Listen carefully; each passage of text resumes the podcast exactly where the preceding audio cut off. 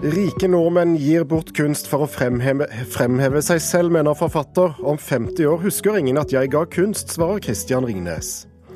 Dårligere tid og råd i mediene gjør at falske nyheter får spre seg. Medieforsker tror vi vil se mer av nyhetshistorier som ikke er sanne. Årets beste film er tysk, mener vår filmekspert, men har ikke kommet på kino enda. Vi oppsummerer filmåret 2016, der norske filmer topper besøksstatistikken.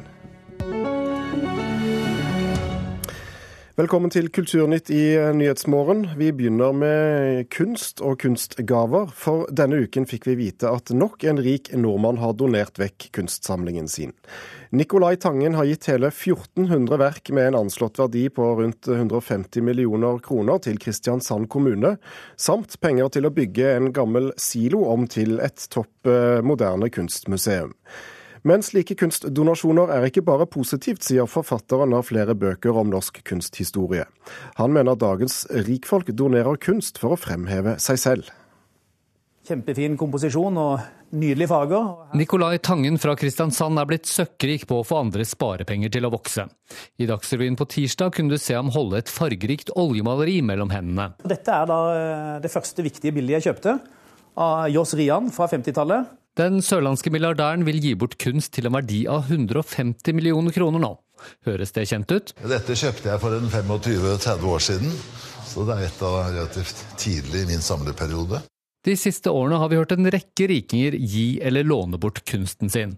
Historiker og forfatter Børre Haugstad sier det ikke bare er gavmildheten rikingene har til felles, de gjør det også for å skaffe oppmerksomhet rundt seg selv. De kjøper kunst, og så eksponerer de seg sjøl på en måte også, da. Haugstad har skrevet flere bøker om norsk kunsthistorie og er tidligere journalist i VG. Han mener det er et problem at norske museer fylles med kunst som noen få rikinger har samlet inn etter sin egen smak. Christian Ringnes er en av dem Haugstad mener burde gitt penger i stedet. Altså Ringnes kunne jo lagd en park til 150 millioner kroner på Ekeberg, og så kunne han gitt 150 millioner kroner til Nasjonalmuseet. Ringnes ga en skulpturpark til Oslo kommune. Han er ikke enig i at han gjorde det for å fremheve seg selv på noen måte. Om 50 eh, år så er det ingen som aner at jeg hadde noe med Ekebergparken å gjøre. Hvis du ser på Frognerparken, hvem var det egentlig som finansierte den? Det tror jeg ikke det er noen som vet. Men det man vet, er jo hvilken kunst som er der. Så det er jo det som står igjen. Stein Erik Hagens store kunstsamling blir tilgjengelig for alle. Bildene skal henge på det nye Nasjonalmuseet. Stein Erik Hagen er kjent for å låne ut kunsten sin til ulike museer. Hagen innrømmer at det kan være et problem om noen få rike mennesker får bestemme for mye over hvilken kunst andre får se. Ja, Det er et problem, og jeg går ut fra at museene har såpass ryggrad at de sier ja takk og nei takk, etter egen oppfatning. At det ikke bare er å komme og og levere kunst til et museum til Nasjonalmuseet og si at nå må dere ta imot dette. Så her vet du, er det utsikt utover hele Byfjorden. Fantastisk. Nicolai Tangen i Kristiansand viser Dagsrevyen rundt i siloen som skal bli kunsthall om fire-fem år. Minst 1400 verker som han har kjøpt skal inn i den siloen. Det er omtrent like mange som Sørlandske kunstmuseum hadde i samlingen fra før. Så man gir, gir jo egentlig bort 20 eh, år av mitt liv, da, for det er jo det jeg har brukt på å samle denne kunsten. Sa Nicolai Tangen, som ikke ønsker å kommentere kritikken fra forfatter Børre Haugstad. Reporter i saken var Petter Sommer. Professor i eh, kunsthistorie Øyvind Storm eh, Bjerke, hvor stor definisjonsmakt har rike nordmenn eh, når de donerer kunst til norske museer i dag? Ja, De har jo en relativt stor definisjonsmakt, det er klart det. Og de har vel bare fått større og større. Det er jo ikke pga. at de skal fremheve seg selv så sterkt, det er fordi at det er en systemisk, kan du si, resultat ja, Hva tenker du på da? Ja, altså I senere år så er det jo slik da, at eh, inntektsfordeling og formuefordelingen har jo bare gått i retning at noen får mer og noe får veldig mye mindre. Og, ergo, så, og kunst er jo noe som i veldig stor grad har operert i tospann med enten de rikeste eller de største makthavere og største institusjoner osv. Så, videre. så det er klart da får man makt og innflytelse. Så spørsmålet er jo måten de bruker det på. Og det vi har sett her hjemme, er jo stort sett at det har fungert eh, relativt positivt, og noen ganger veldig positivt. Mm. Eh, hva slags samlinger eh, er det rike nordmenn nå har bygget seg opp i, i, i vår samtid? Ja, de er egentlig ganske forskjellige. Jeg vil jo gi det kompliment til mange norske samlere, at de har jo vist vilje og mot til å ha personlig smak. Slik at det er, ikke, det er ikke slik at de har gått etter hverandre alle sammen gjennom den samme løypa. Og det er bra. Um i saken her så hørte vi eh, Stein Erik Hagen og Christian Ringnes. Vi vet også at Kristen Sveås er en eh, pasjonert kunstsamler med, sitt eget eh, museum på Kistefoss. Er det mange private, betydelige kunstsamlinger som offentligheten vet lite om? Det er jo ikke så veldig mange, men det er jo noen. Og, og det er slike kan du si, sterkt personlige samlinger ofte som, eh, hvor drivkraften er, er, en sterk interesse for kunst i utgangspunktet. Og så kommer kanskje økonomiske interessene etter hvert også.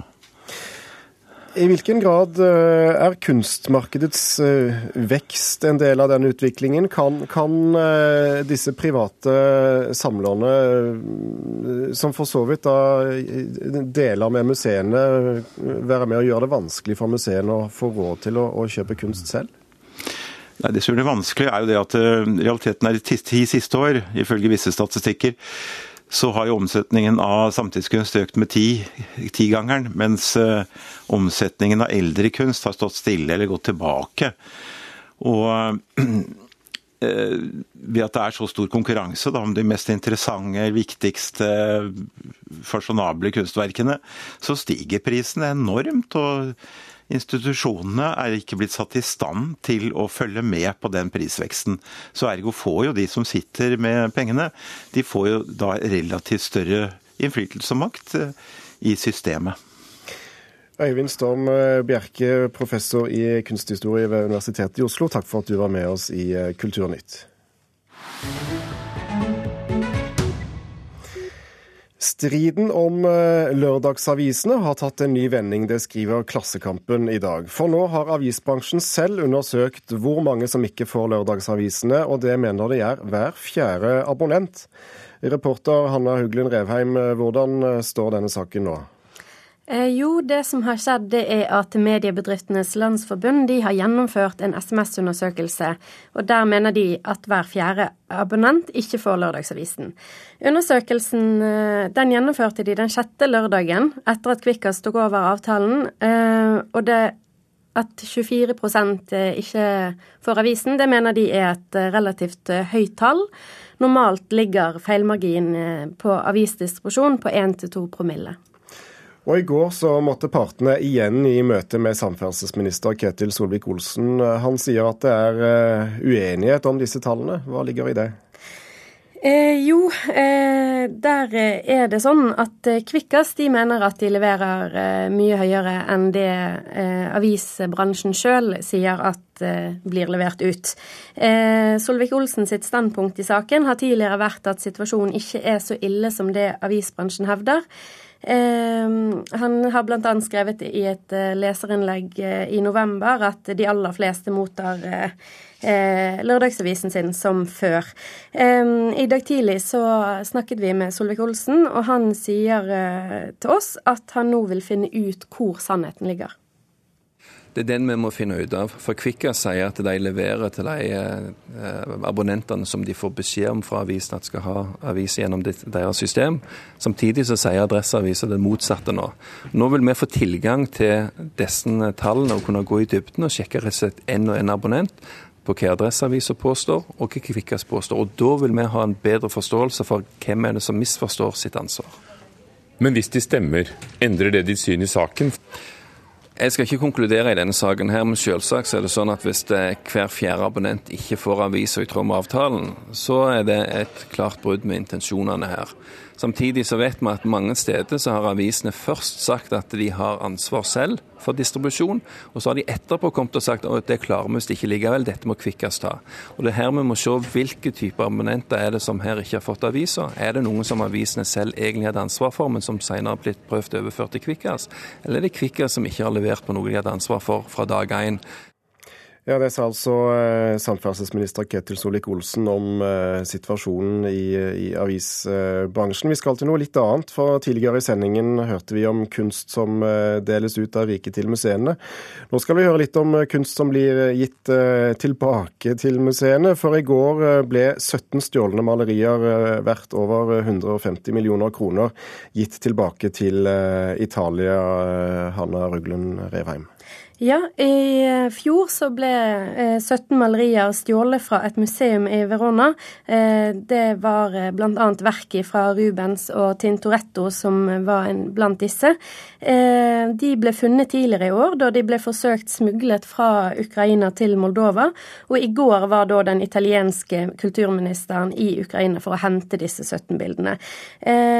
Blant de dømte i saken så er en av museumsvaktene Han har fått over ti år i fengsel. Og denne uken så sa den italienske regjeringen at de ønsker nå å øke strafferammene for å stjele eller ødelegge italiensk kulturarv. Og Noen av bildene blir altså å se nå kort før de skal eh, fjernes og restaureres. Takk skal du ha. Du har på Nyhetsmorgen i NRK P2 og Alltid nyheter. Klokken er 14 minutter over åtte, og dette er nyhetsoverskriftene nå.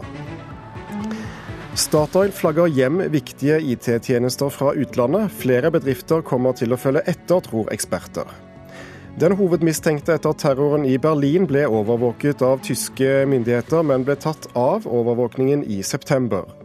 Fra nyttår må det være minst 18 år for å komme i solarium. Bakgrunnen for den, de nye reglene er at strålene fra solarium kan føre til føflekkreft.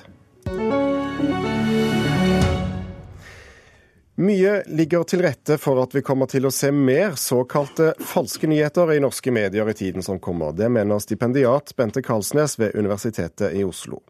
I høst har usanne nyheter om alt fra at paven støtter Donald Trump, til at russiske reality-deltakere får voldta og drepe hverandre på TV, dukket opp i mediebildet. I've just received a call from Secretary Clinton. I etterkant av presidentvalget i USA har mange antydet at oppdiktede nyheter på sosiale medier kan ha vært med på å avgjøre utfallet.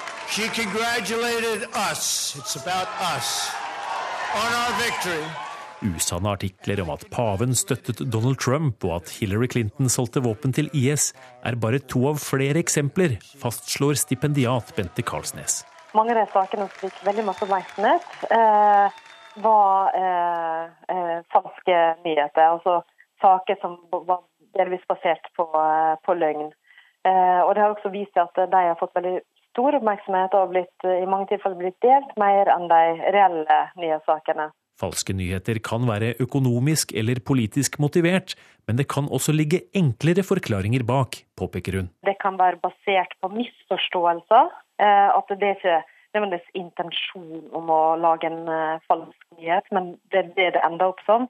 Forrige uke publiserte en rekke norske medier en feilaktig NTB-sak om et nytt russisk realityshow. I artikkelen ble det påstått at deltakerne kunne voldta og drepe hverandre i Sibirs villmark. I en tid der sosiale medier blir stadig viktigere, og tradisjonelle medier både får dårligere råd og dårligere tid, kan det fort bli flere stygge feil i spaltene framover, tror Karlsnes her vil det også være aktører som har hensikt å spre falsk informasjon, og som sikkert vil gjøre ganske sofistikerte forsøk for å, å skjule eh, at dette er, er falskt. Så eh, det er, det er iallfall mange ting som ligger til rette for at eh, en kommer til å se mer av det. Sa medieforsker Bente Karlsnes til reporter Gjermund Jappé. Frode Børfjord, forfatter og tidligere leder av samfunnsredaksjonen her i NRK. I en kronikk på nettstedet Medier24 skriver du at spredningen av disse falske nyhetene kan gå på bekostning av medienes eh, troverdighet. Eh, fortell litt hva du legger i det. Nei, altså det er jo sånn at I utgangspunktet så er det jo når du kjøper deg tilgang til, et, eh, til, en avis eller til eh, et nettsted som gir seg ut for å være et seriøst nyhetsnettsted, så tror du jo at det finnes systemer som sikrer at det du får presentert, er balansert og i størst mulig grad sant, og at kildene er sjekka ordentlig ut. Det er dessverre ikke alltid tilfellet. Hvorfor har det blitt sånn? Eh, ja, det kan du spørre om. Eh, det er mange grunner til det. Nå er det jo sånn at Vandrehistorier, som det ofte blir kalt for, eh, det har jo eksistert siden tidenes morgen. Utfordringa nå er jo det at det er en vanvittig mengde informasjon som strømmer mot oss til enhver tid. Og jeg tror for mange så var liksom valget i USA en veldig sånt godt eh, eksempel av det du vil bli forska på i lang tid. På hvordan eh, falske nyheter eh, kan faktisk påvirke, om ikke valget, så i hvert fall meningen til hvermannsen. Hva er det største problemet, tenker du, med, med at usanne historier blir, eh, faktisk blir publisert? Ja, Det er jo mange problemer med det. Men uh, du kan si, hvis du tar utgangspunkt i kildekritikken, som er en sånn grunnleggende og avgjørende del av all journalistikk Hvis du ikke kan stole på den, så er det veldig lett eh, å, eh, for publikum generelt å, å, få falsk informasjon, altså en informasjon som ikke er korrekt, og derav gjøre falske vurderinger eller, eller feile vurderinger av saker. NTB, Norsk Telegrambyrå, leverer en mengde nyhetsartikler til norske medier og aviser. Ole Kristian Bellernes, der er du nyhetsredaktør. Er norske medier for lite opptatt av kildekritikk? Nei, det mener jeg ikke at de er. Jeg tror faktisk at de er enda mer opptatt av det nå enn de var for 10-15-20 år siden. Det er helt riktig som Børfrud sier, at uh, mengden av informasjon i dag gjør det ekstremt vanskelig å unngå Eh, såkalt falske nyheter. Nå har falske nyheter blitt et begrep, men vi, lever jo hele tiden med, eh, med spørsmålet om vi, det vi rapporterer er helt 100% riktig. Det vil vi alltid gjøre. Eh, men som sagt, jeg mener faktisk at vi er minst like opptatt av det i dag som vi var for 10-15-20 år siden. Men f.eks. denne historien om, eh, om uh, russiske deltakere på, på realityshow som angivelig skulle få lov til å, å, å drepe og voldta hverandre. Hvordan kunne en slik historie slippe gjennom? Nei, det, det, er et godt spørsmål. Jeg syns jo i utgangspunktet at den saken kanskje var litt for fantastisk til uh, å skulle være sann i utgangspunktet. Det var flere elementer i den saken, bl.a. at uh, jeg tror mange la merke til at The Guardian tok saken videre. The Guardian oppfattes som et seriøst, troverdig organ. Det var nok en av grunnene til at den saken fikk slippe igjennom. Eh, det er helt klart at, eh, at, vi her skulle ha sett både på nyhetens, den såkalte nyhetens innhold, eh, på hvor, hvor denne saken kom fra, og, og nok tatt om ikke bare flere forbehold, så skulle vi nok ha unngått å, å, å sendt ut den saken. Det, det virker helt åpenbart i dag. Frode Børfjord, du har jo eh, gjennom din eh, lange fartstid i mediebransjen også bl.a. utviklet kurs for, å, eh, for journalister som, eh, som, går på hvordan vi skal innhente informasjon over internett på en ordentlig og god måte, bl.a. Eh, hvorfor tror du vi ser eh, en, en tilsynelatende iallfall større mm, spredning av falske nyheter nå enn tidligere? Altså, jeg syns det er litt interessant det Bjørnes sier, når han sier at uh, man valgte å stole på Guardian.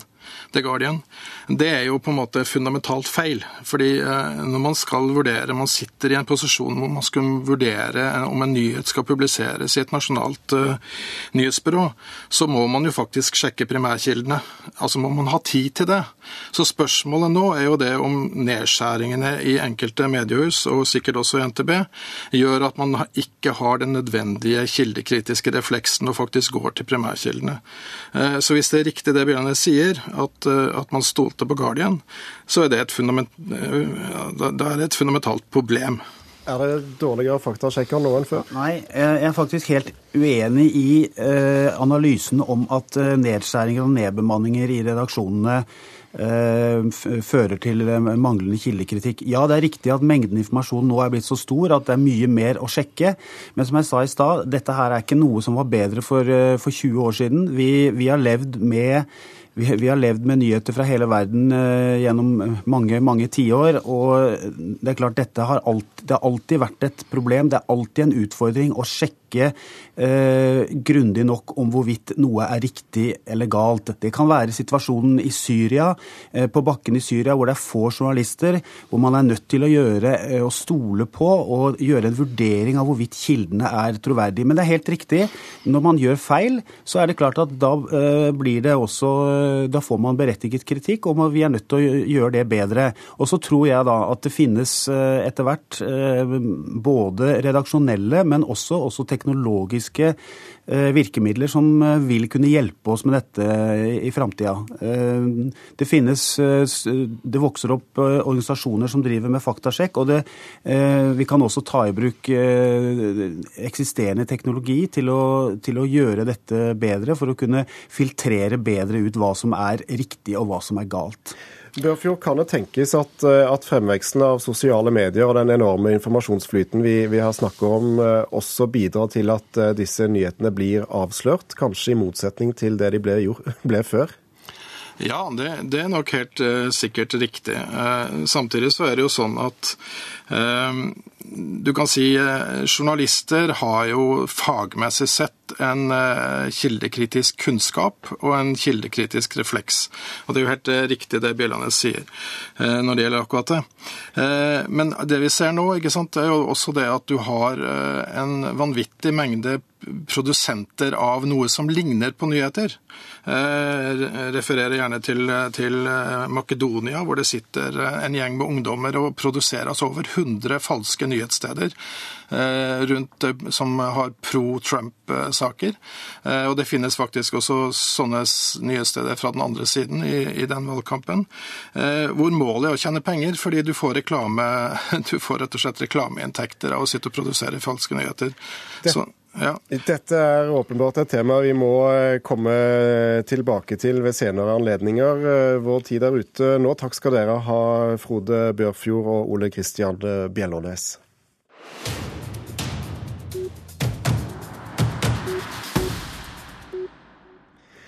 Et eh, gripende Auschwitz-drama. En eh, lingvist på romvesenjakt. Norske rånere og kongelige på flukt er noe av det som har gjort 2016 til et sterkt filmår, ifølge vår filmekspert.